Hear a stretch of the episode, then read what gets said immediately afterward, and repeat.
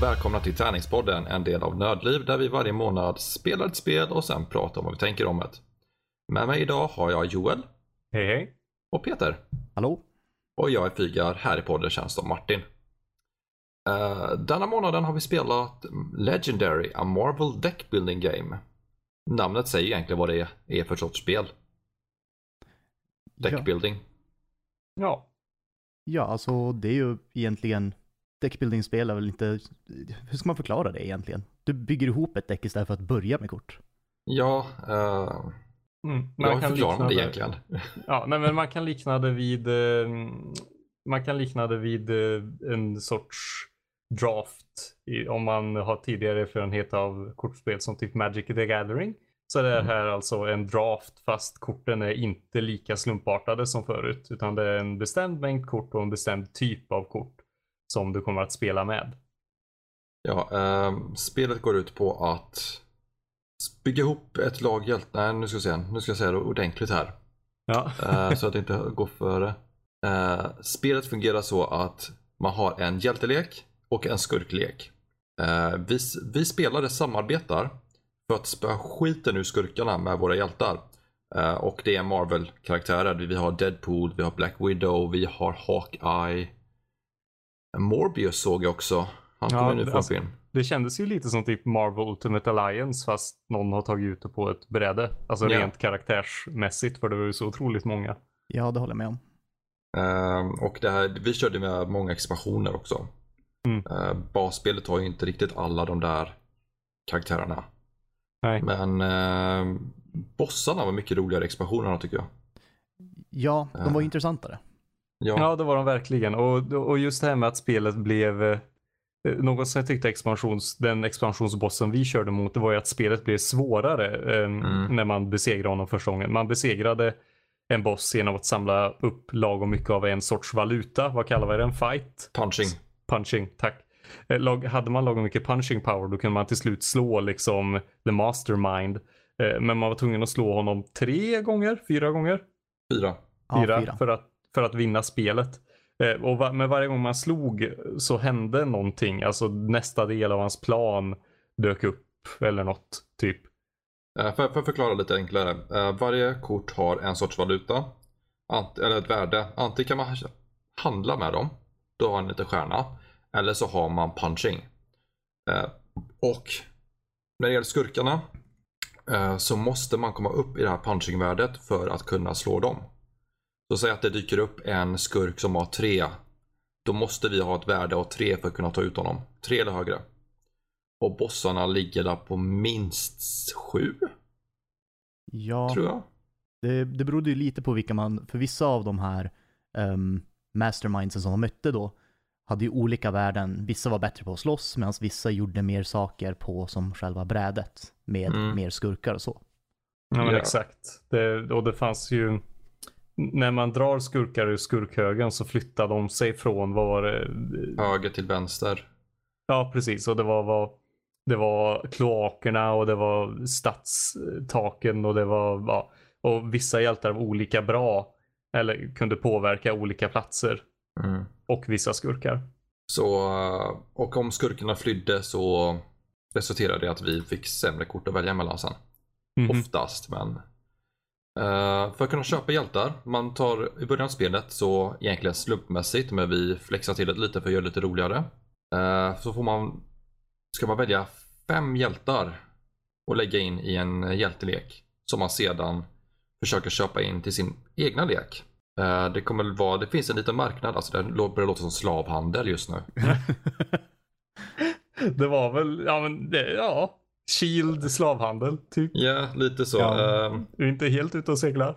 nej, eh, vissa kort har, Spiderman har för mig väldigt billig. Han kostar typ två. Eh, för de flesta av hans kort. Sen finns det de som kostar liksom runt fyra. Och det gäller att kunna ha den ekonomin. Och det är väldigt svårt i början att ha den ekonomin för att köpa de hjältarna man vill ha. Mhm. Jo, man märkte ju att i början, det absolut viktigaste var ju att bygga upp din ekonomi ganska snabbt. Mm. Ehm, för du kunde nästan inte vinna över några av de här skurkarna som kom ändå i början. Nej? Du börjar med, eh, ens grundlek börjar med fyra punching och sex buying va? Mm. Ja, Eller något sånt. Det är 12 kort kanske man kör med, men något sånt är det. Eh, det är ju inte, det är inte 50-50. Nej. Average-skurken kändes, ju så- kändes ju som att hade typ sex punching. Mm. Ja, när Ja, vi körde, kunna- vi hade ja. ganska svåra ibland. Ja, det är sant. Ehm, det, det jag tycker var trevligt med det i alla fall, alltså temat var ju perfekt för det. Mm. Ehm, nu, nu låter det ju lite så här konstigt när man säger bara ja, men jag köpte Spider-Man. Men ehm, det är väl lite logiskt till viss del om man tänker på att man, man du spelar ju ungefär Shield. Mm. Um, så man får tänka på det sättet. Ja men, Jo, det, det är lite som man får tänka. Fury kallar in sina tjänster. Ja men verkligen. Eller så är han där och slåss själv. Han var ju också Mm. en karaktär. Ja, det är Ja, han är, han är en väldigt speciell karaktär. Han passar inte riktigt in med de andra hjältarna. Nej, han var ju gjord för att man skulle ha mycket, man kan ju köpa, istället för att köpa hjältar, så kan man spendera sin, eh, som buying power då, till att köpa mer Shield-agenter. Mm. Och han var ju som baserad på det, att man skulle ha mycket Shield-agenter. För han fick... Nej, han, extra han var, och något av de korten var ju att man skulle ha mycket Shield-agenter i discard, liksom i KO-högen. Ja. De korten man inte fick använda. För då gjorde han ju plötsligt väldigt ont. Mm. Nej men exakt. Han blev argare och argare. Ja, Ju fler agenter som tappas. Ja, exakt, exakt. Ju bättre våra lekar blev, blev desto, desto argare blev Fury. ja. Eh, det var lite snabbt om hur reglerna funkar. Liksom, köp hjältar, spöa skiten ur skurkar och slå ut bossen. Mm. Eh, Ja, exakt. Vad tyckte ni om det? Jag har spelat det mycket förut och jag tycker väldigt mycket om det här spelet, men vad tycker ni? Um, jag tycker det var riktigt roligt. Jag gillar det som, jag, jag tänker mig att om man sitter, det, eh, sitter som och spelar med kompisar runt ett bord, så Mm. kommer det också bli mer så här, um, det, det blir lite annan känsla, för som, det blir alltid lite annorlunda när man spelar på Tabletop Simulator. Ja, absolut. Um, Mm. Och det känns som ett spel vars, det, det är så här perfekt, sitta och ta en öl med några kompisar och sitta och spela det där. För det är inte superavancerat och det är ganska roligt tema. Mm. Ja, jag tyckte om när vi körde and- första rundan så valde vi lite slumpmässigt. Men vi körde en omgång till direkt efteråt och då valde vi ju Avengers-tema. Att vi valde en Avengers i hela högen och eh, någon Avengers-boss tänkte vi på. Ja, vad var det vi Ja, tog? Dr. Dr. Doom blev det väl då. Mm, just det. Heter han Dr. Doom? Ja. Eller? Han Dr. Doom, ja. Ja. Victor von Doom, säger nörden. Men eh, jo, sen hade vi ju Marvel, eh, Marvel, eller Marvel, ursäkta mig, Avengers-tema på hjältarna. Mm. Ehm, jag vet inte, jag tyckte, det, det kändes, där var det ju också, där spelar vi ju mycket från grundspelet. Mm. Och det märktes att de har lagt mycket mer ehm, avancerade mechanics i all som extra content som finns i spelet. Jo, vad var vi hittade? Vi hittade wall climbing, teleporte- teleportering, Ja, som allihopa, och mutor. jo just det. Ja, mutorna var ju, det, det var faktiskt väldigt intressant.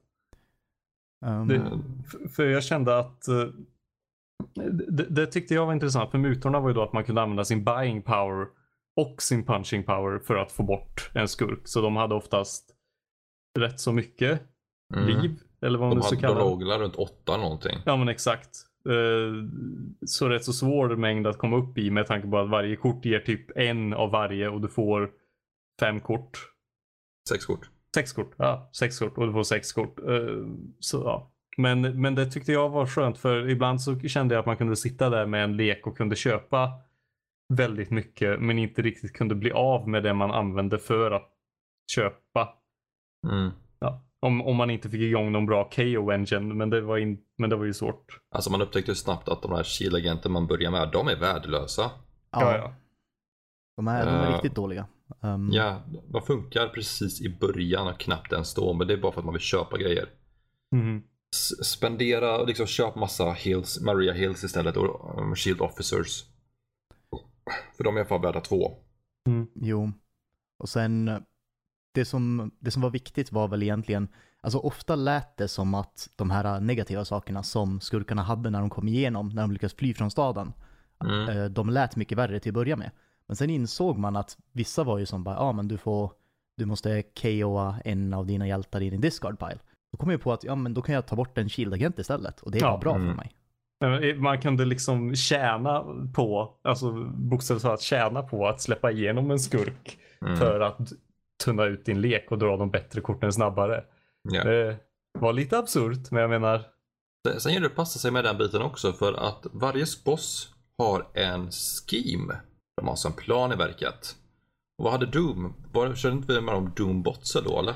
Ja, Ja. exakt. det var får- civilians. Nej.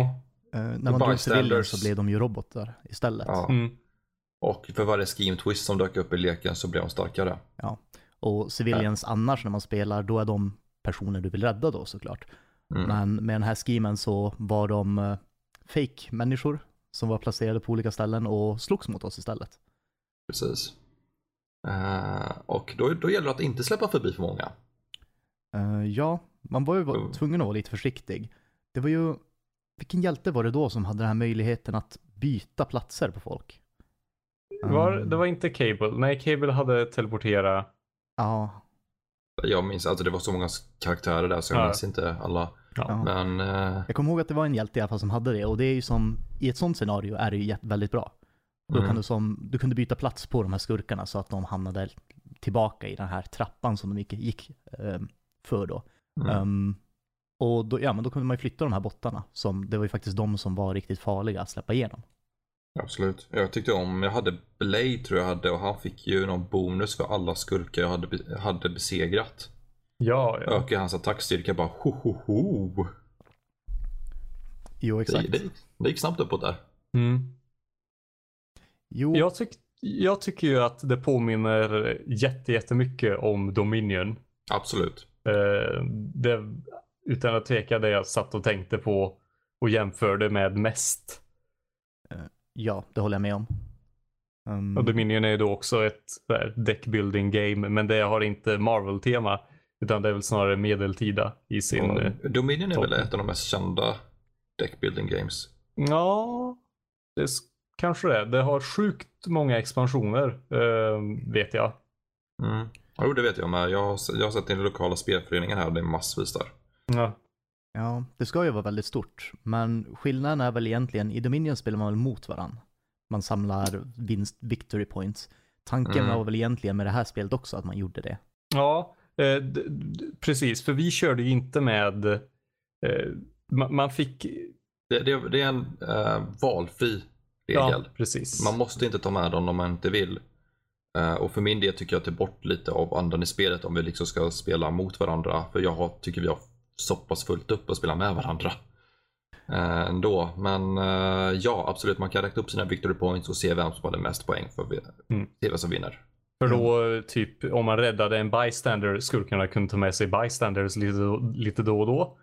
Eh, så var det typ värt en poäng för varje bystander man hade. Men skurkarna i sig kunde också ha små poäng på sig. Mm. Jo, exakt. Och jag menar, så, som du säger, det här spelet är redan när man spelar tillsammans så kan det ändå vara ganska svårt. Um, och lägga Jag till det här elementet av att man ska, man ska vinna över någon annan också. Ja, precis. Jag har kört det här med fem spelare. Fattar ni snabbt det går eller? Jag kan tänka mig Ja. det. Skurkarna flyttar ju fram varje, rund, varje gång det är någon ny runda. Mm. Och ehm, ja, det, det går väldigt fort att förlora det då. Vilket är tråkigt men samtidigt väldigt intressant. Ja, Mm. det är ju lite intressant just det här att spelet blir som bara mer och mer intensivt av ju fler spelare man är. Mm. Um, det är typ lättare att spela det som, vad kan det, två, tre spelare än som du Ja, säger, man, man, man, kan spela som en. Jag, jag har kört det solo en gång. Oh shit, hur gick det? Det var inte så kul. ja, jag kan tänka mig det. Men, men det står liksom på lådan en till fem spelare. Så jag tänkte jag, jag måste testa och se om det funkar med en spelare. Och det gör det. Mm. Men eh, det är absolut roligare att spela med ja, minst tre. Ja, jag skulle hålla med om det. Det, det är få brädspel, brädspel som fungerar bra för två spelare. Om de inte är tänkta att det är bara två spelare. Mm. Jag tyckte... Jag, jag ju, måste ju komma ut nu ur garderoben eller något och erkänna någonting. Eh, jag är inte ett jättefan av Marvel i sig. Nej, Nej. Det, det är Eh, jag. Ja, nej men exakt, exakt. Eh, det, var, det var lite det jag, det var ju min misstanke Martin. Eh, men, men, men, så jag hade inte jättemycket så här koppling till, till temat Nej. och så. Det var väldigt, jag, jag tyckte det var mest intressant när vi körde just den här Avengers-rundan för då var det hjältar jag kände till för jag har Mhm. sett dem på bio. Eh, men typ, vem är Cable? Jag har ingen aning om vem Cable är. Blade vet jag är någon sorts vampyrsnubbe som gjorde en dålig film i början på 2000-talet. Så, här. Mm. Eh, men eh, ja, lite. Så, måste, så om man ska spela det här och inte vet riktigt allt vad Marvel har att erbjuda. Det, då kan det ju faktiskt vara en rätt så rolig väg in. Men man kan också sitta där och bara undra va? Vem är det här? Varför Mm. kan han det här? Jo men precis. Det är, det är ju mer för Marvel-entusiaster. Är det ju, helt klart. Ja, det kan jag hålla med om. Ehm, sen är det ju också, eller det var någonting som jag märkte är ju att det här kortspelet är mer baserat på serietidningsuniversumet som det bygger upp. Absolut. Ehm, så det är ju mycket grejer som kan vara lite annorlunda eh, om man bara har sett filmer och så. Ja, ehm, det, grejen är att det finns spel, det finns serietidningar. Serietidningar finns det ju flera versioner av också. Mm. Eh, så det går ju inte exakt att pinpointa vem som gör vad hela tiden. Utan liksom basic knowledge att okej, det här kan, ka- om vi tar Cable till exempel. Han kan resa i tiden, han, har, han är cyborg och han kan, jag tror han kan teleportera. Vad är hans svaghet? Hans familjerelation. Oh shit. the worst one. Nej, nej, hans svaghet är att han är kompis med Deadpool. ja. Den är också ganska hemsk i och för sig. Mm. Ehm, han är ju med i Deadpool 2. Uh, jo. Cable. Eh, och eh, det är en intressant relation de två har. Men jag tänkte nä- nämna lite snabbt att eh, Marvel Legendary, eller Legendary Marvel Deck Building ligger på plats 151 i Board Game Geeks lista. Oj, ligger det så högt? Oj, Ja. jäklar. Shit. Tycker ni det är för högt eller? Eh, jag förväntar mig inte att det skulle vara så högt om jag ska vara ärlig. Nej. Eh, Ja, ja, nej fortsätt du. eh, jag börjar fundera, ligger det över Dominion? Det tvivlar jag starkt på. Men jag kan kolla. Medan du kollar det kan jag ju säga att jag tycker det ligger lite för högt. Medan jag tycker alltid det är kul. Och, eller det var ju kul att spela. Men jag trodde ju inte det skulle ligga över, ja, över 500. Mm. Det, för så bra tyckte jag liksom inte att det var. Nej. Det, det, det kändes... Alltså det kändes ju väl, det kändes välarbetat. Och det kändes genomarbetat men det kändes inte alltid jättekul. Eller Nej. sitter, gör jag mig förstådd eller är jag bara... Ja absolut. Alltså, Ja. det som vi var inne på förut. Liksom, temat är ju väldigt starkt i det här spelet. Mm, Och om inte du är en Marvel-fantast då är, blir ju automatiskt svårare för att ha kul med det. ja men precis, det blir ju någon sån grej. Ja, Eh, jag tänkte bara nämna den. Dominion ligger på plats 83 så att eh, det är en bit ifrån. ja, i alla fall. Ja. Okej. Några Eh, hade det varit andra hållet runt hade jag blivit riktigt ledsen. Jag, ja. det- jag, jag hade inte trott det överhuvudtaget. Men eh, man vet ju aldrig. Ja, jag hade blivit väldigt 151 förvånad. Ja. Eh, och för övrigt så ligger Monopol just nu på plats 18 469. ah shit, har den åkt ner lite till? Alltså när jag skrev det här, in den här listan så låg det på plats 14 000 tror jag. Oj, det har åkt ner. Ja. Ja. Vad, vad har vi, är det vi som bidrag till det här fallet? Vad fan är det som händer? Ja, alltså, jag menar, tekniskt sett, sen vi har börjat med den här podcasten, så har det ju gått ner mycket, så mycket så. Ja, eh, det, det känns sådär. ja precis. Folk har kommit in och bara ratat det. Ja. Jag sålde mitt eh, Hobbit-monopol häromdagen också. Mm. Eh, till den lokala spelbutiken. De la in brädspel. Jag sa ju som det är, liksom, det är ju slavhandel. Du köper karaktärerna i spelet. Ja, just det. Det var det man det pratade vi om typ första avsnittet. Man kunde köpa Gandalf och liknande. Ja, precis. Ja. Eh, jag såg ju också en jätterolig variant av Monopol eh, alldeles nyligen. Eh, in the dark future of the 41st century there's only capitalism. Det var då alltså Warhammer 40K inspirerat Monopol. Och det nu i hela friden ska gå till. Eh, ja, där köpte man åtminstone platser. Men eh, ja, Det känns ju verkligen inte som ett passande tema. Nej. nej verkligen inte. Det känns Jag, jag, jag hade hellre sett ett risk med det. Ja, Risk 40k. Ja, det, det har jag också, det, för det har jag också skymtat förbi någon gång. Men det, Mm. lägger man inte märk, det lägger man inte in på minnet lika mycket för det passar in mer. Absolut. Anledningen till att jag gick in på det monopol det är för att jag har en fråga till er. Mm. Är Legendary, a Marvel Deck Building Game, bättre eller sämre än Monopol? ja jag skulle väl säga att det, jag, jag vågar väl påstå att det är bättre. Du vågar det? Ja, det gör jag då. Mm. Jag håller med, det är, ju, det är ju bättre.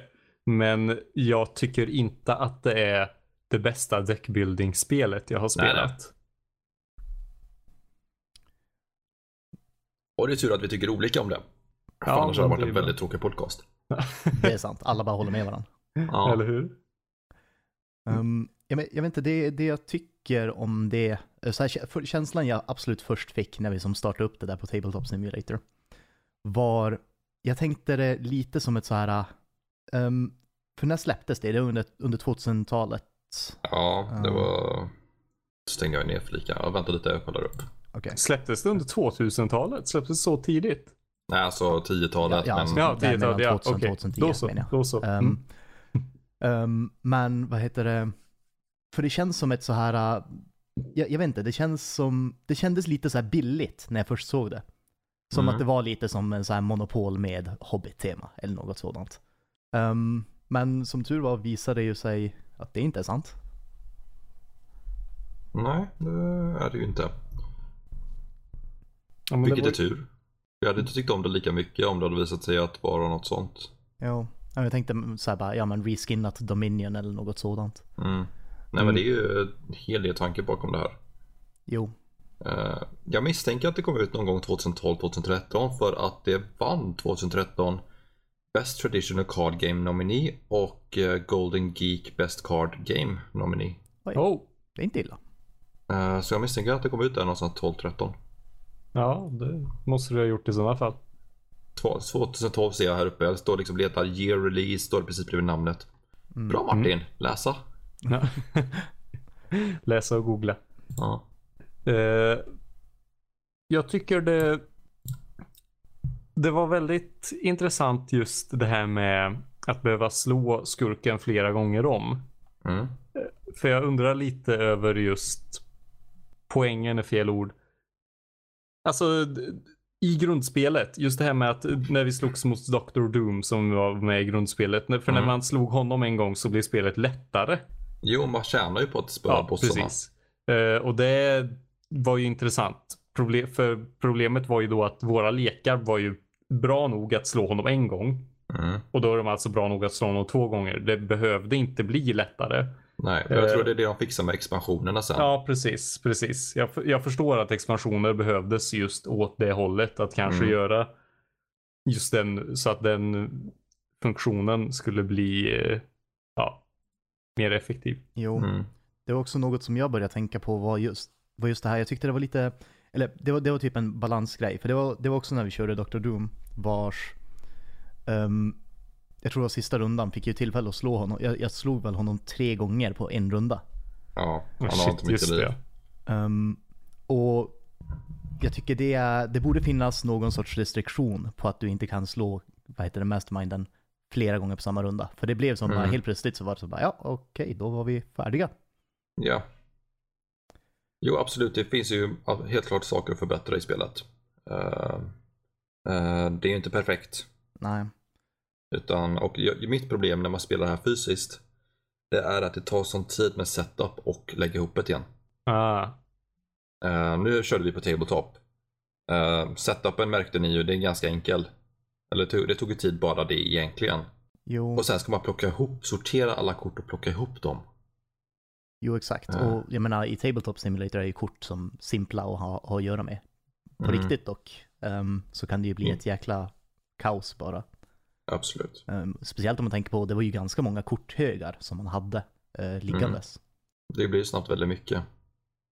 Och så ska Mm. man liksom sortera, okej, bystanders går där, wounds där, Spiderman ska till den högen, Tor till den högen, skurkarna dit och så liksom det blir, jag får huvudvärk bara jag börjar tänka på det igen. Nej, men, och, och just också när det hände saker som gjorde att högen att högarna rördes till ännu mer. Typ det kom fram en scheme twist.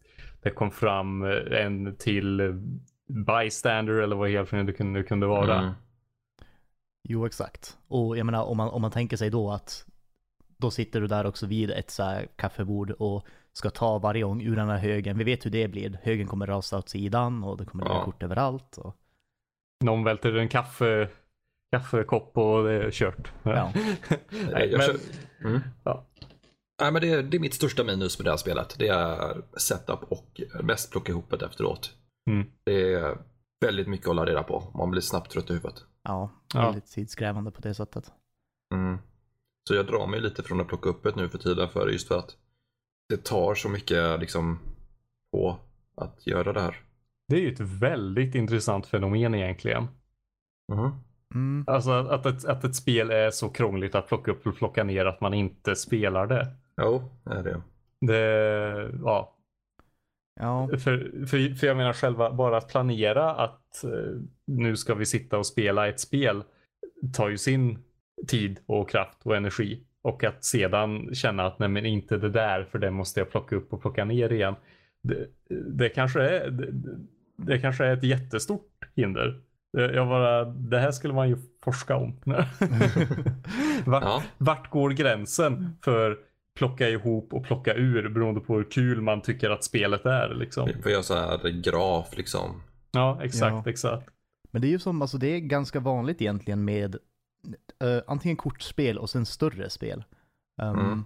Mm. Just till exempel, jag, jag brukar inte gilla att pusha för att spela Manch- Manchester of Madness um, något mer med mina kompisar för det tar så jäkla länge att sätta upp och, och vad heter det, plocka ihop.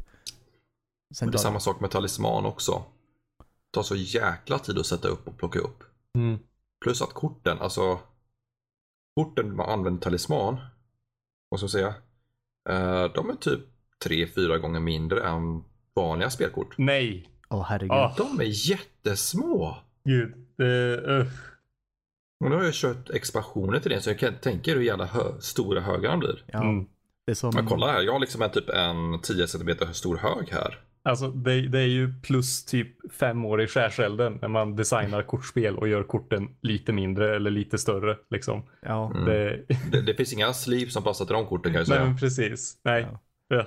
alltså, Jag får laminera allihopa. Det, det är samma i, i, i Manchester of Madness och sen jag tänker mig också det värsta spelet när det kommer till stora korthögar, det måste ju vara Munchkins. Um, Aj, Ja. uff. Men det är kul. Den du. Jo, alltså det, det tar ju inte så länge att sätta upp och så, för allt ska ju typ vara ihopblandat ändå. Um, Ja, det är men- bara att hålla koll på vilka kort som är sparka in dörren och vilka som är skatter. Jo, så det är ju smidigt på det sättet, men jäklar, alltså om du har så här två, tre expansioner till det, så gigantiska det, högar. det blir jättemycket jättefort där. Okej, ehm, jag tänkte vi avrundar lite Legendary där, eller har ni något mer ni vill tillägga? Mm. Jag tror inte det. Jag, jag gillade spelet. Jag tyckte det var riktigt roligt. Ehm, jag skulle nog vilja pröva spela det också med som några av mina kompisar. ehm, som bara här och Ja, spelar det fysiskt. ja, spelar fysiskt också. Mm. Jo, men om du lyckas få tag på det så tycker jag absolut du ska testa det. Vad, av ren nyfikenhet, vad kostar det? Är det något, Eh, det är något vi inte har pratat om förut, men det kan ju ja, vara kul tror, att veta. Jag tror det ligger på runt 400-500 kronor. Ja, men det, ja. Det är helt legit tycker jag. Wow. Ehm, ja, och jag, jag, jag googlar lite snabbt och Mm, gör så. um, billigaste som jag hittar på Spelexperten, det är 550 kronor. Okej, Mm. det var lite mer än jag trodde. Okej. Mm. Och sen alla, ex- alla expansioner. Alla expansioner ligger runt 250 kronor på, när jag kollar på webbhallen i alla fall. Okej. Eh, och det är ju någonting jag suger på att skaffa ännu mer nu efter jag såg att Mm. det tillför faktiskt ganska mycket. Jo, lägger till Ja, du har, ing, du, har, du har inga expansioner fysiskt? Nej, jag har, jag har bara grundspelet. Så det här var Ah. första gången jag spelade med expansionerna. Okej. Ja, då så. Då, då får det åka upp på önskelistan. Absolut. Eh, då så, då hoppar vi vidare till nästa segment med ett litet avbrott mitt i allting. Wow. News alert. Här Flashy. Eh, Ja, åh. eh. Tack. Den. Den vill vi ha in där. Ja, visst. Eh, vi har nämligen så vi, i och med att vi ska prata om Kickstarter näst. Eh, och vi pratar ju allt det om brädspel och rollspel och sånt på Kickstarter. Så visade det sig att Tabletop Gaming dominerade Kickstarter under 2019. Woo! Yay! Riktigt bra. Vilket är riktigt bra. Alltså de har en liten, eh, det är Polygon jag kollar nu som har. Eh, och uh, Dollars pledged to successful Kickstarters. Uh, ja, jag vet inte riktigt vad de här siffrorna betyder. Det står 176,3 tabletop och står det 16,3. Det, då, jag tror det är 176,3 miljoner dollar. Ja, det känns lite så va? Ja. Ja. Ja, det står precis under millions Precis. earned. Yes. Ja. Jo. Det var det, med- jag skulle lära mig läsa när jag kollar grejer. Det var det som var.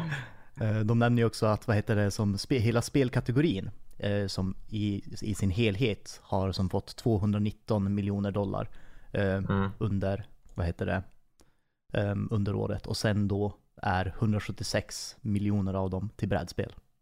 Mm. Mm. Och jag tycker det, det är massivt. Det är jättehäftigt. Ja, Och eh, topp 10 då. Allra högst upp, mest eh, pengar under 2019 som tabletop-spel var Etherfields Board Game. Något ni Aldrig känner hört till? eh, nej. Men det hamnar på 5 miljoner 215 000 så Yes. Och Jag, det, jag ser Trial by, Tro- Trial by Trolley och alla som är Cyanide and Happiness-fans vet vad det är. ja, ja, just det, det är den. Gud, blev den backad så mycket? Vad. Ja, Ja, eh, men att ni inte har hört talas om Etherfields, det är inte så konstigt för det kommer inte förrän ja, om två månader. I mars så ska Mm. det dyka upp. men vi ser Bloodborne på andra plats med Ja. 4 miljoner. det är jag väldigt, eh, väldigt eh, exalterad för. Ska vi egentligen Ja. Vi Eh, har, När kommer det? Ehm, vi ska se, när var det exakt de sa? Om jag inte kommer ihåg fel så var det april-mars. Ehm, Ja, men jag kan ta och kolla upp det. Ja, Trial by Trolley kommer ju, jag såg någon video från and Happiness på Instagram att de håller på att packa upp det nu. Så det kommer rätt snart. mm.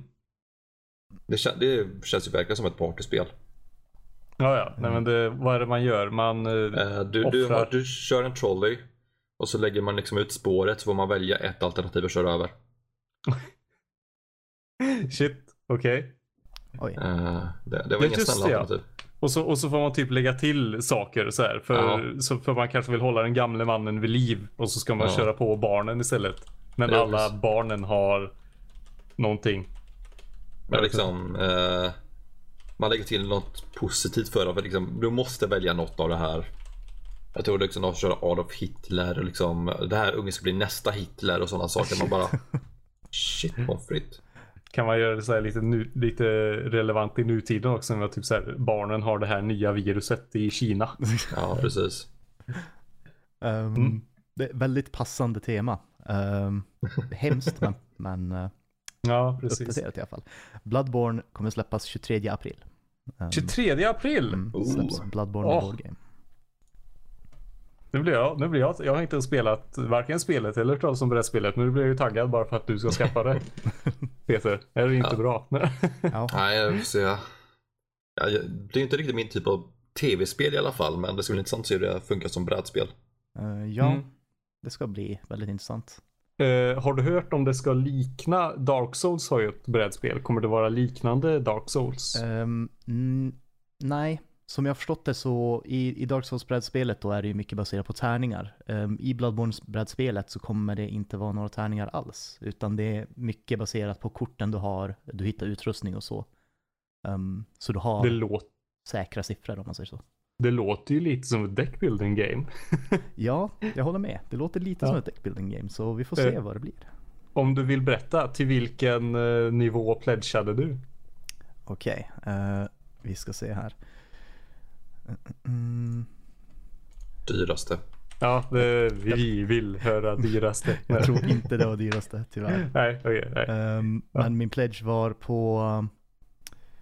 ehm, vi ska se. Eller det- vad, det, det behöver du inte berätta om Nej, du inte nej. vill. Jag bara undrar Men- liksom vad du får förutom grundspelet. Ja, exakt. Ehm, det, den kallas då Blood Moon Pledge som är då grundspelet. Sen är det en extra eh, Hunter som du kan spela. Och sen eh, tror jag det är några expansioner som var stretch goals. Upp till. Oh. Nice. Stretch goals tycker jag är så otroligt roligt koncept Ehm, i allmänhet. Ja, jag gillar också det just eftersom att det blir som bara, ja men om många, om många donerar till det här så får ni mer grejer. Punkt. Mm. Vad intressant att de nyheter vi har tagit upp, de har båda handlat om Kickstarter. Mm. Jag, jag tycker det är intressant att se här också. Uh, kolla vidare på det här Kickstarter. Hur många, hur många successful uh, Kickstarter som har fått. Ja.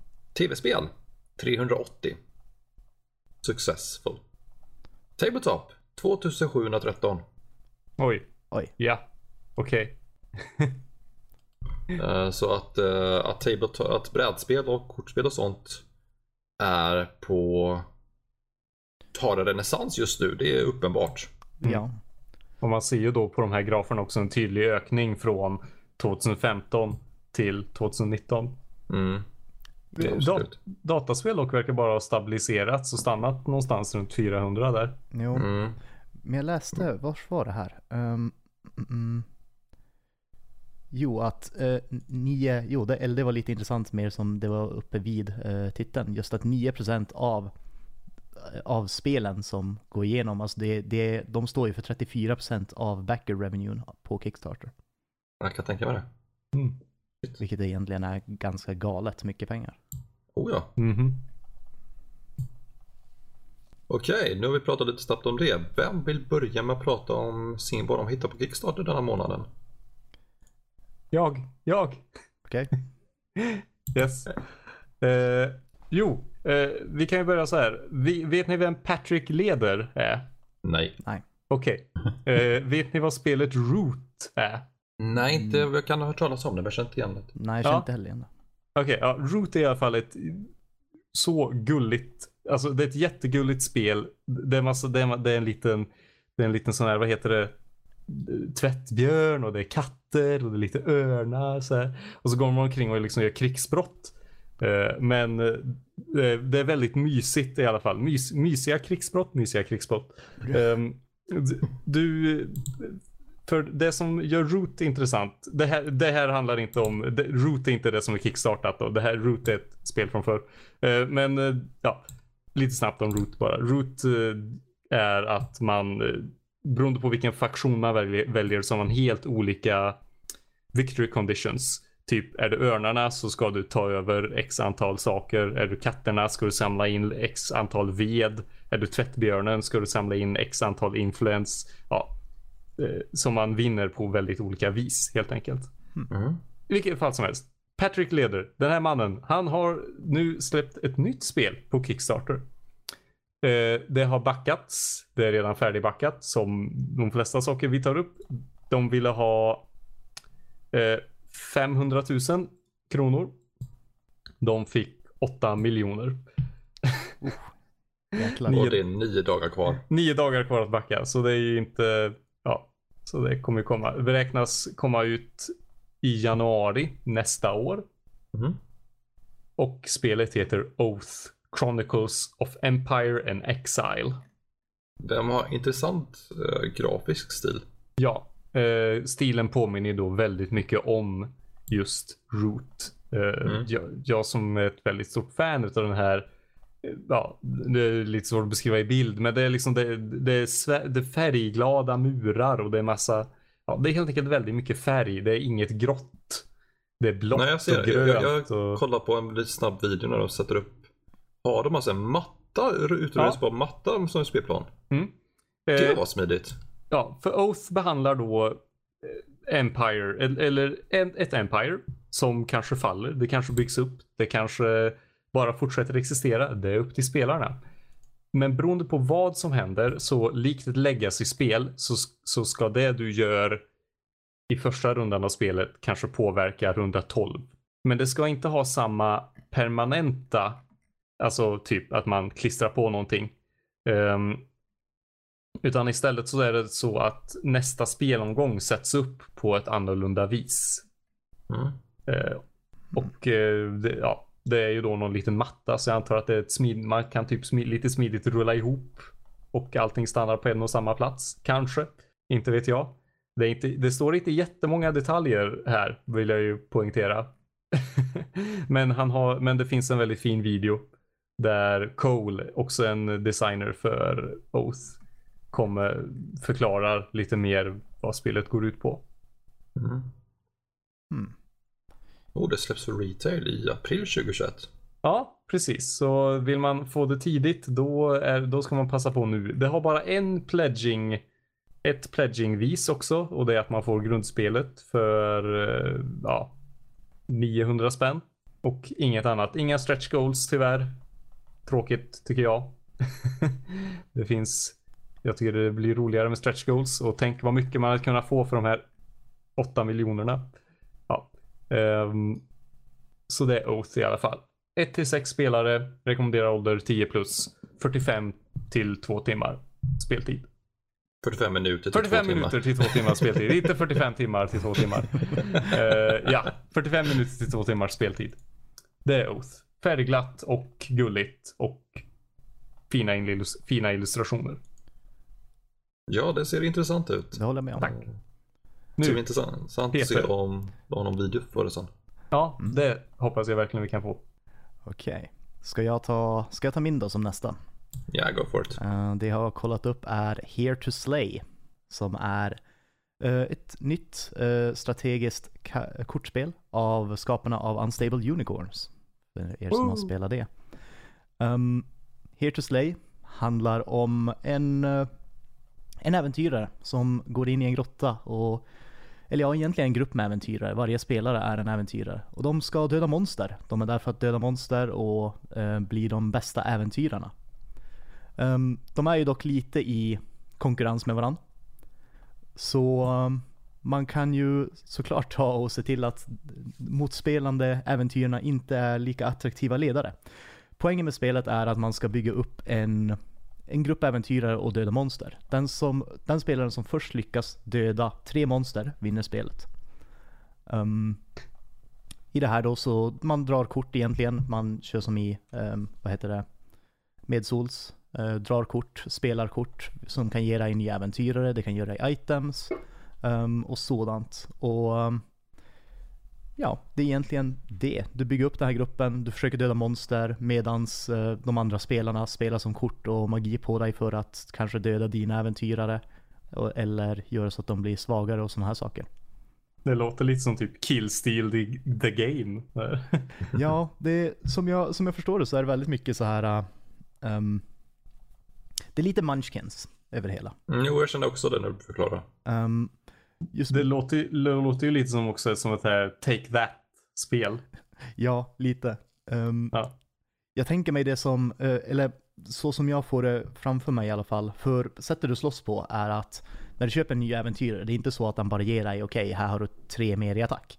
Utan Mm. det enda de här äventyrarna ger dig, de ger dig fler typer av äventyrare. För du måste ha rätt, eh, rätt kombination av äventyrare för att slåss mot vissa monster. Vi säger en drake måste du kanske ha en krigare och en magiker för att kunna slåss mot. Mhm. Ehm, men eh, då har också de här äventyrarna förmågor, eh, får de också med sig som du kan använda när du slåss, eh, eller du kan använda på andra spelare. De här förvå- förmågorna aktiverar du genom att slå tärningar. Mm. Ehm, så du slår två tärningar, om du kommer över ett specifikt värde, då kan du använda dens, dens ability medan du slåss. Um, om du inte gör det, då kan du inte göra det och då blir det oftast så, som jag förstår det i alla fall, att monstret vinner, tar antagligen och dödar en av dina äventyrare som är med dig och du måste skaffa fler.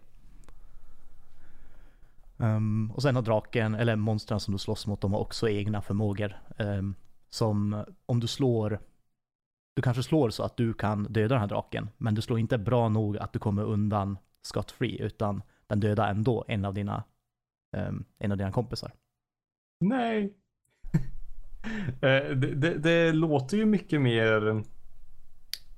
Alltså jag, jag, jag tänker bara på det som är appealen med just Unstable Unicorns. Det är ju att det är, att det är lite lätt att ta till sig och även en helt nybörjarspelare kan vinna ett spel om korten går åt rätt håll. Ja, Eh, Men det här låter ju mer... Det låter så mycket mer att tänka på samtidigt som ett tärningsmoment är inblandat också. Det, jo, det, det känns mer avancerat än Unstable Unicorns, helt klart. mm. Ehm, och jag antar att var Unstable Unicorns det första spelet de gjorde? Det är det jag börjar fundera lite. Ehm, för, uh, Jag, jag har gått igenom deras Kickstarter. Det är en lång jäkla Kickstarter-sida de har. jaså? Eh, Ja, Hmm. Ehm, för jag tänker De mig går- att vi säger om Unstable Unicorn var ett av de första, det, var- det var ju antagligen ett av de st- första större spelen, för jag har inte hört talas om något annat spel som de har gjort. Mm. Um, men eh, jag tänker mig att det här är som en utveckling på det. För Unstable Unicorns är ganska simpelt, lätt för alla att spela. Sen tar de det här till en extra nivå, som en nivå uppåt. Mhm. Mm. Mycket möjligt. Det, det, jag tycker det ser jättemysigt ut. Ja, uh, artstylen är väldigt, alltså den är on point tycker jag. Den, den passar inte riktigt in på själva vad spelet handlar om, men det funkar perfekt. Jag vet inte, av någon anledning finner jag det så charmerande hur det kommer den här jättesöta björnen med en stor battle axe och ska slåss mot en drake. Mm. Absolut. Ja, det jag kollade lite snabbt. Det ska skeppas i september såg jag. Det är ganska snart ändå. Ja, och det har ju fått um, pledgen på det. Eh, de siktade på 95 000 kronor. Mm. Och de har fått ihop 8 250 000. Shit, Alltså det, vi, märker ju här liksom att Kickstarter brädspel är ett jäkla uppsving. Ja, verkligen. Um, och det är, Eh. det är 16 dagar kvar att uh, backa. Så Så det kommer, gå, kommer bli ännu mer alltså. jo, antagligen. Ja, Um, men det var, det var Martin min. då? Ja ska vi gå in på min? Det är inget spel men eh, Mm. eh, jag, kan, jag kan börja med den här biten. Utan att nämna vad det är för någonting. De begärde 401 000 svenska kronor. De är uppe i 18,4 miljoner. Okej. Det är 18 dagar kvar. Herregud. Så att det, det här Okej. har gått igenom. Vad jag har hittat är Full Color Custom Miniatures with Hero Forge 2.0. Uh, create unique tabletop miniatures in vivid color with new design tools and cutting edge 3D printing technology. På ren svenska, det här är att du kan 3D-printa färglag- färdigt färglagda miniatyrer till uh, dina rollspel och liknande. Eller miniatyrspel. Uh, Du får en, får en mjukvara eh, där du tar och skapar modellen i 3D och sen färglägger du hur du vill ha det. Och eh, sen så har du en 3D-printer nära till hands och eh, skriver ut den fär- färglagd och färdig. Då slipper man momentet att måla. Utan det är bara att börja spela. F- fråga. Eh, Ja. Nu är jag inte ab- absolut bäst på 3D-printers här i världen. Nej, inte jag heller. Nej. Eh, men är inte 3D-printers rätt så begränsade i färg? Det, jo, det är det jag också funderar på men eh, Ja, någonting har de hittat på i alla fall. Ja, ja, ja för, för, för alltså, jag, fatt, jag fattar ju mjukvaran. Eh, men, men jag bara... Ja. Jag vet inte. Det, det, det, det, verkar vara en säljpunkt att de, den 3D-printar i färg. ja, precis.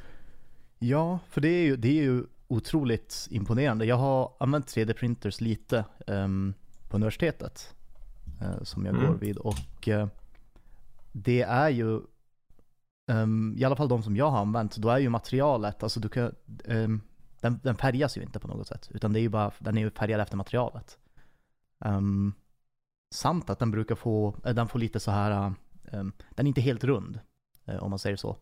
3D-printersarna jag har använt kan inte skapa helt runda kanter. Ehm, Mm. Just eftersom att den sätter den gör det på.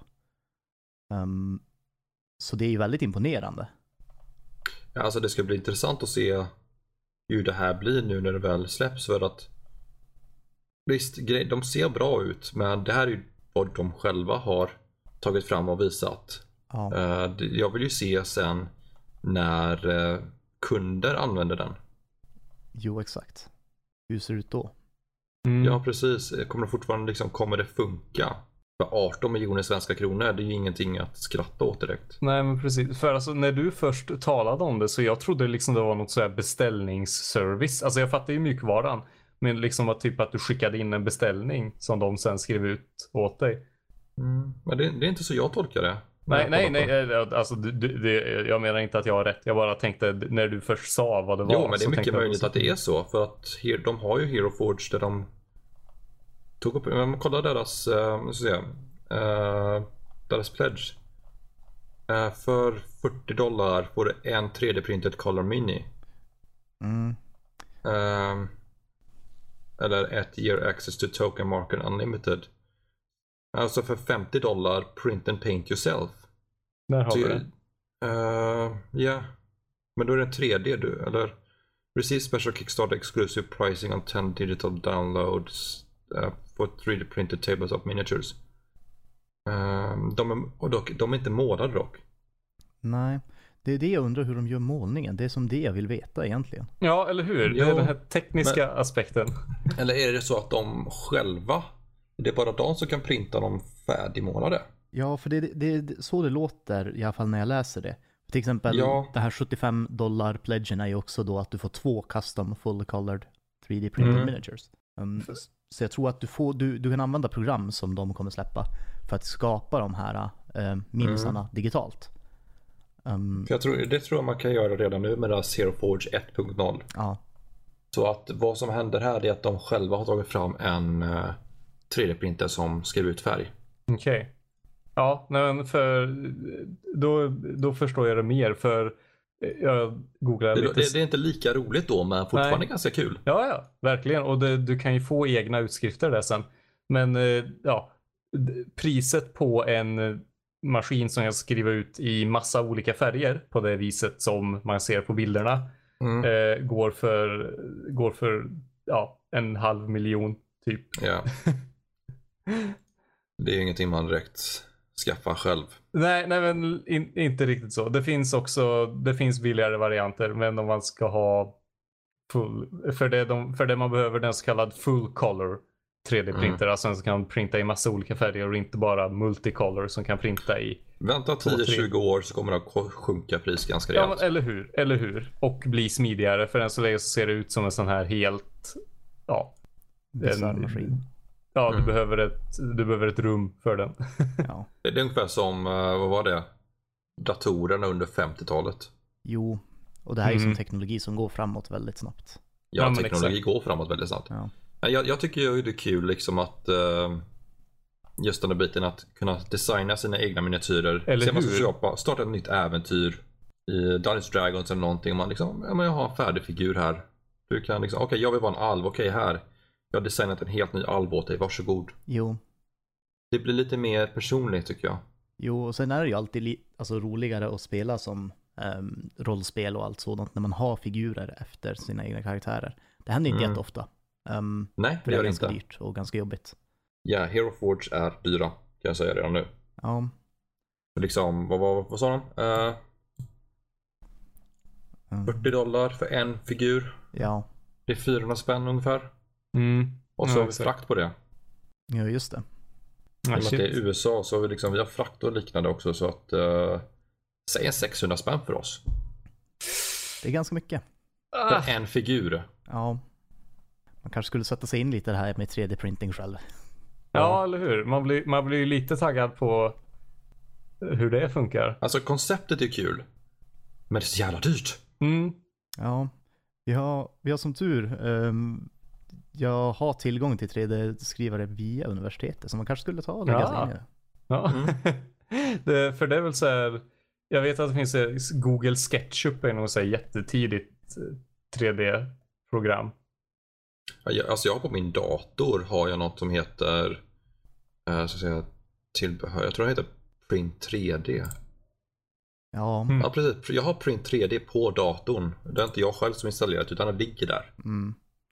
Det finns ju väldigt många olika. Det finns ju ett som heter Blender också som är, ehm, det är ett 3D-animationsprogram och så kan man göra som 3D-figurer då. Mm, Det går också, det finns mycket gratis. Blender är gratis till exempel. absolut. Det gäller bara att ta sig tid och sätta sig med för det är inte något man lär sig på en halvtimme. Nej, Nej. Ja, men det, låt, det, är ju liksom, det låter ju liksom som sin egna... Ja, nej, ja, ja. Alltså jag tänker konceptet, inte bara figurer, alltså tänker man att skapa hela miljöer med det här. eller hur? mm. Uh, visserligen, det är, jag kan lika gärna ta och köpa lite, uh, vad heter det? Isolering eller någonting. Eh, och karva ur det eller ta lite lera och bygga med. Mm. Men det här känns ju lite roligare. ja, det håller jag med om. Ja, Okej, det, det var vad jag hade att prata om. Mm. Uh, Det, har vi något mer vi vill ta upp?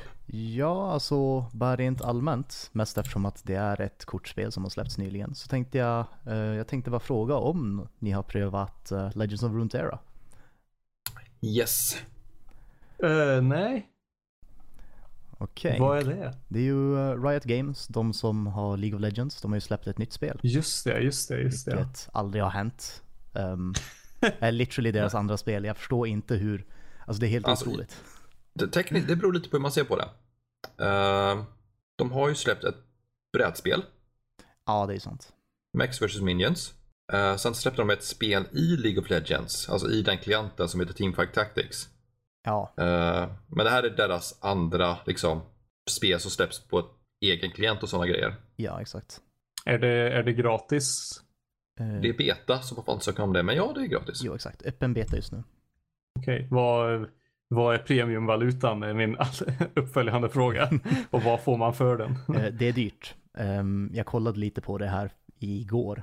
Och Ja. eh, istället för att man kan köpa packs som vanligt, de vanligtvis har, de har tagit lite den här eh, filosofin som Magic, Magic the Gathering Arena har. Att du kan Mm. få kort som heter wildcards. Och med dem kan du crafta kort. Um, skillnaden är att eh, i Legends of Runeterra, som jag har förstått det, kan du inte köpa packs. Du kan bara köpa de här wildcardsen. Oj, okej. Mm. Så tekniskt sett är det ju bättre, för du får alltid de kort du vill ha. Men de Mm. här wildcardsen är ganska dyra. Jo, jag, jag har kört bara lite, jag har inte ens klarat av det där eh, stegen när man la upp belöningar än. Man- jag vet inte om det är veckogrej eller om det är engångsgrej heller, men jag har ju fått en hel del kort och eh, wildcards via det. Jo, de ger mycket kort, det håller jag med om. För som, eh, jag, jag har kört förbi den här första stegen som du är på just nu då. Mm. Och efter det, då tar den, det, det tyckte jag var, faktiskt var lite intressant. Då har de gjort så att den kollar vad för sorts kort du har spelat med mest. Och då får du Okej. som, ja men nu får du en ny stege som är baserat på de korten. Oh. Ehm, så då, typ, Ja, du har spelat Mm. mycket de här Shadow Isles-korten som de finns då. Då får du en Shadow Isles-stege istället. ja, jag tänkte bara nämna det att eh, de här Shadow Isles och sånt, det är olika faktioner och länder från League of Legends. Ja, Eh, så att varje lek du bygger kan ha två faktioner i sig. När jag testade det. Mm. Eh, Jag kan till exempel bara lägga till Darius och Garen. Sen fick jag inte lägga till från någon annan faktion. jo exakt. För då har du Äh. Demacia och Noxus-faktionerna. Ja, precis. Eh, Eh, har League of Legends liksom någon, någon bakomliggande lore? Ja, Eh, väldigt mycket. Ehm, Oh, oerhört mycket. okej. Det är all, Ja. varje, alla karaktärer har en egen lore. De är sam, intertwined med varandra. mm. De, Så det går verkligen att nörda, nörda in sig i den världen om man vill det. Ehm, om man orkar. ja, och de har ju också en animerad serie på G. Om jag inte kommer Ja. fel. Men, Jo, de har kommit på gång mycket nu med League of Legends. ja. Ehm, men jag tycker i alla fall, jag tyckte det var värt att nämna för ehm, vi har en till, eh, en till utmanare i digitala kortspelsvärlden. Ja, Ar- Artifact gick det ju sisådär för. Ja, de, oj. de har ju kraschat lite kan Ja. vågar jag väl påstå. De klantade sig redan från början. Ja, när de tog betalt för spelet. Och sen för, för kortbacken. Ja, det var inte taktiskt. Ehm, Jag klantar mig som köpte det. Du ångrar dig ganska snabbt eller? Ja, ja, men jag har ju redan, jag hade ju redan spelat för mycket så, här, så det ligger där och hånar mig verkligen. gå in och det är som, en, så här, som ett tyst rum bara, det ekar Ja. tillbaka ifall du skulle leta efter en match. precis. Kan, Nej men vad har vi nu? Det är Hearthstone och nu kommer Legends of Runeterra. Mm. Ja, Magic också va? Jo, Magic. Magic the Gathering Arena. Mm. eh, eh, nu, så- vad heter det? Inte Legendary. Eh, åh, skapad av Frostwolf Interactive. Ah, prata Mm. om något annat ett tag. Vänta Eh. lite. Fortsätt rabbla upp spel. man, man har ju också det här Witcher-kortspelet, Ja, Gwent. Gwent. Men jag vet inte hur bra det gick för det heller. Det känns inte som att det har Eh, varit. Förut, nej jag har inte hört så mycket om det. Utan det är ju Hearthstone som ligger där uppe. Och Magic, det är de två som toppar. Ja, det, det är de- Eternal finns det också. Eternal. Om Inte någon har spelat det. Jag har inte ens hört talas om det tror jag. Det är, det, är ett eh, väldigt Magic-inspirerat kortspel. Mm. Det har funnits nu ett tag. Eh, s- På tal om kortspel som dog. eh, Känner någon av er till Scrolls? Ja, Jag tror jag har talas om det. Ja. eh, Utveck utvecklat och utgivet av Mojang. Ja, just det. mm. Det, det, det känner jag igen nu ja. Mm. Notch andra spel. Exakt. Och det funkade ju då som att korten du spelade blev liksom karaktärer på brädet som du kunde flytta runt. Mm. Och, ja, så om du typ spelade en byggnad, då så var du tvungen att sätta ut den byggnaden och vart du satte ut den, det spelar roll. Okej, det blir alldeles för komplicerat för mig alldeles fort där, känner jag. Ja, ja, men, eh, det, ja, det, ja, men det är liksom en kombination av schack och brädspel nästan. Mm. Eh, och det har jag också spelat något liknande spel till som jag inte kommer, också ett kortspel som jag inte kommer ihåg namnet på nu. Men det var också så här att man spelar ut kort och man liksom sätter ut dem. Ja. Alltså Scrolls var, det var någonting som, jag, jag kommer ihåg när han höll på att arbeta på det och jag kollade som på det och bara, ja men det här såg ju lite kul ut som. Men sen har det som bara, det har bara försvunnit, jag har inte ens tänkt på att kolla på det. Jag, jag, jag, jag tänker på det ibland så här just för att jag vet att det finns eller något. Ja. Mm, jo. Ehm, men vad tror du om chanserna för Legends of Runeterra, Peter? Ehm, jag tror det har ganska stora chanser. Eh, det är ju Riot Games som släpper det till att börja med, så de har ju väldigt stor playerbase Mm. um, att ta ifrån. Sen så, det är väldigt likt Magic tycker jag, till viss del. Mm. Det Mm. är typ lite simplare version av Magic. Och Jag, jag tyckte om konceptet att man i varje runda tar turas om vem som spelar. ja, just det. Uh, vilket kan göra det lite kom- mer komplicerat, men- eller lite rörigare i början, men man kommer snabbt in i det. Jo, det, det, det var faktiskt en sak som jag hade väldigt svårt med när jag började spela det. Jag, jag blandade alltid ihop när jag fick attackera och när motståndaren Mm. kunde attackera. De har en liten attack-token. Jo, men jag, jag glömde att kolla på den och så då, då var det någon gång som jag bara ah shit, nu, nu ska jag spela de här creaturesen. Och sen bara, åh just det, jag får inte attackera den här rundan. Ja, Right. precis. Ehm, så det, det är typ, jag vet inte, det är tydligt, men man måste bara lära sig det. Ehm, Mm. För jag är lite van vid från som Magic. Men jag gillar, jag håller med dig om att jag gillar, det är typ, man kan jämföra med att det, det finns runder. Det är skillnad på runder och turer. Mm. Ehm, för om jag börjar rundan, alltså om jag får attackera den här rundan, då börjar jag rundan med min tur. Sen efter jag har spelat kort eller passat, då får, vad heter det, motståndaren spela ett kort eller passa. Man kan Mm. bara spela ett kort åt gången. Ehm, på det sättet. Mm. Nu hittar jag namnet på det andra spelet som liknade Scrolls, det heter Duelist. Eh, Men ett kort åt gången, det låter inte så interaktivt. Ehm, det är interaktivt till viss del. Alltså om, om man säger så här, ehm, du, har, du har olika typer av kort. Eh, du har, det Mm. finns eh, en, en sort av kort som heter bursts, som är spells då.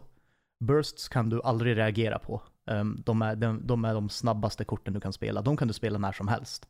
Okej. ehm, som reaktion till vad som helst. Sen har du fast spells, som du också kan spela när som helst. De kan däremot motståndaren reagera på. Så om du spelar en fast spell kan jag spela en fast spell tillbaka. Eller en burst. Ja, eller en burst. Mm. Ehm, sen har du slow spells som du bara kan casta när det är som din tur om man säger så. Mm. Ehm, och sen har du creatures som du också bara kan casta när det är din tur. Ehm, men eh, man kan jämföra de här turerna, det, det låter mycket söligare än vad det är. För det är egentligen bara så att när du spelar någonting, anledningen till att det blir sen motståndarens tur, det är för att de ska ha en chans att reagera till det du gör. Ehm, Så att om, säg, säg att jag spelar ut ett monster och det är min tur att attackera. Då har Peter möjlighet att spela ut ett eget creature som kan försvara.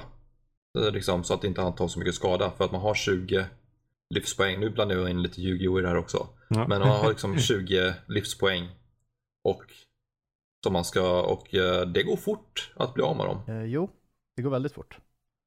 Ehm, Så det för att eh, Peter ska ha möjlighet att försvara sig så kan han spela ut någonting då och välja att blockera. Som, som fungerar på samma sätt som i Magic. Mm. Du får välja om du vill blockera en attack eller inte. Jo, exakt. Ehm, den som attackerar bestämmer att ja, men jag attackerar med de här tre creaturesen. Sen får jag välja om jag vill blocka någon av dem med mina creatures. Mm. Ehm, sen, eh, jag gillar också lite det här, eh, för de har ju obviously, eftersom det är som i League of Legends-världen, så har de ju Mm. väldigt mycket fokus på champions. Ja, Ehm, och jag gillar Ja. det lite, men det känns som att animationerna är lite överdrivna. jo. Eh, Alla, alla champions kan uh, levela upp, om man säger så. De har olika kriterium för att kunna levela upp. Jag tror att en karaktär som heter Elise, om du har tre spindlar på din sida av planen i början eh, av rundan så levlar hon upp. jo, exakt. Och då, har de, då får de allihopa en egen animation och sådana grejer. Mm. Jo. Men det här, Nej, jag tycker också om, jag såg en tydlig referens till skönheten och odjuret jaså? i det här What? spelet. Ja. Eh, det finns ett kort, eh, han, är, han är en 3-3. Jag kommer inte ihåg vad han heter, men en gammal gubbe på bilden. Eh, ni vet, har ni sett Skönheten och odjuret? Eh, ja, det var ett tag sedan. Men, Mhm. Eh, när Bells pappa Maurice kommer in i baren och ber om hjälp. Liksom är tokiga Maurice som liksom skapar liksom monstret taget henne. Det är en tydlig referens från den scenen med det kortet när han pratar och sådana grejer. Okej. Det är ganska häftigt ändå. Ja, det, det var inte alls med på. Det är väldigt trevligt. Mm. Men ehm, jag tänkte så att vi inte drar på alldeles för länge gällande det. Eh, jag gillar spelet. Eh, jag, tycker det är, jag tycker det är jätteroligt. Ehm, men jag vet inte om det kommer hålla igång nog länge. Jag kommer att sitta och slöspela det men eh, det ska bli intressant att se vart det, jag vill, det är bara beta än så länge. Det kan hända mycket. Jo, det är det Mm. jag också tänker. Men det är kul att se lite mer eh, utmanare mot Hearthstone och Magic. Jo, det är ju som, det är ju som de som har varit så dominerande så länge. Som Mm. direkt när de släppte Magic, eh, Magic Arena så ehm, har de ju typ dominerat. Hearthstone var tvåa. Sen vet Mm. jag inte riktigt efter det. Nej men alltså Magic kommer alltid dominera. Jo, det är så stort spel. Ja, men det- både, både digitala världen och den verkliga världen. Eh, men jag känner ju också att oavsett vilket, alltså jag, jag började ju med Hearth, Hearthstone, men oavsett vilket annat spel jag spelar så är det alltid Magic jag har i ryggmärgen. Men ändå så tror jag att jag har lagt ner mer timmar på Hearthstone. Mm. Jag, jag har inte fastnat för Magic, jag satt mycket med Yu-Gi-Oh när jag var yngre. Mm. Det är det spelet jag fastnar för. Sen testar jag liksom, jag testat Magic, jag testat uh, Dual Masters om ni känner igen det. Jag känner igen det. Ehm, Eh, det var ett jävligt skumt kortspel när man var yngre. Eh, men jag har testat flera olika grejer. Men eh, ja, Legends of Runeterra finns nu beta man kan ansöka till om man är sugen på det. Så, har vi något mer vi vill prata om? Jag tror inte det. nej, jag känner mig ganska färdig. Ja, Ja. Då så, då vill jag tacka för att alla har lyssnat. Och eh, jag vill tacka våra patrons för Nördliv. Och om du är, vill, bli, vill bli patron, eller redan är patron, så erbjuder vi nu chansen att få spela med oss när vi streamar. Eh, vad är nästa månads spel, Peter? Eh, Det är Dark Souls the Board Game. Oh. där saknar vi ju faktiskt en spelare. Ja. För där är man väl fyra, eller hur? Jo, upp till fyra spelare. Mm. Ja, så om du är intresserad av att joina så vet du precis vad du ska göra. Du kan höra av dig till info.nordlivpodcast.se om, eh, Dels om du vill vara med och spela eller om du har förslag på spel vi ska spela. Vi har en liten lista men den går snabbt igenom känner jag just nu. Så om eh, det är någon som har något nytt förslag som vi kan kolla upp så tar vi tacksamt emot det. Mm. Eller om det vill skicka till oss själva liksom. Vad är det? Jag har fygar.nordlivpodcast.se och ni har era förnamn va? Ja, Ja, precis. Joel och Peter at nordlivpodcast.se. Yes. Och ni kan även följa oss på Twitch. Där går vi under Nordliv. Där vi kommer sitta och streama spel en gång i månaden. Har jag missat någonting? Jag tror inte det. nej. Check, check, check. Då så. Tack så mycket för att du lyssnade och vi hörs nästa månad.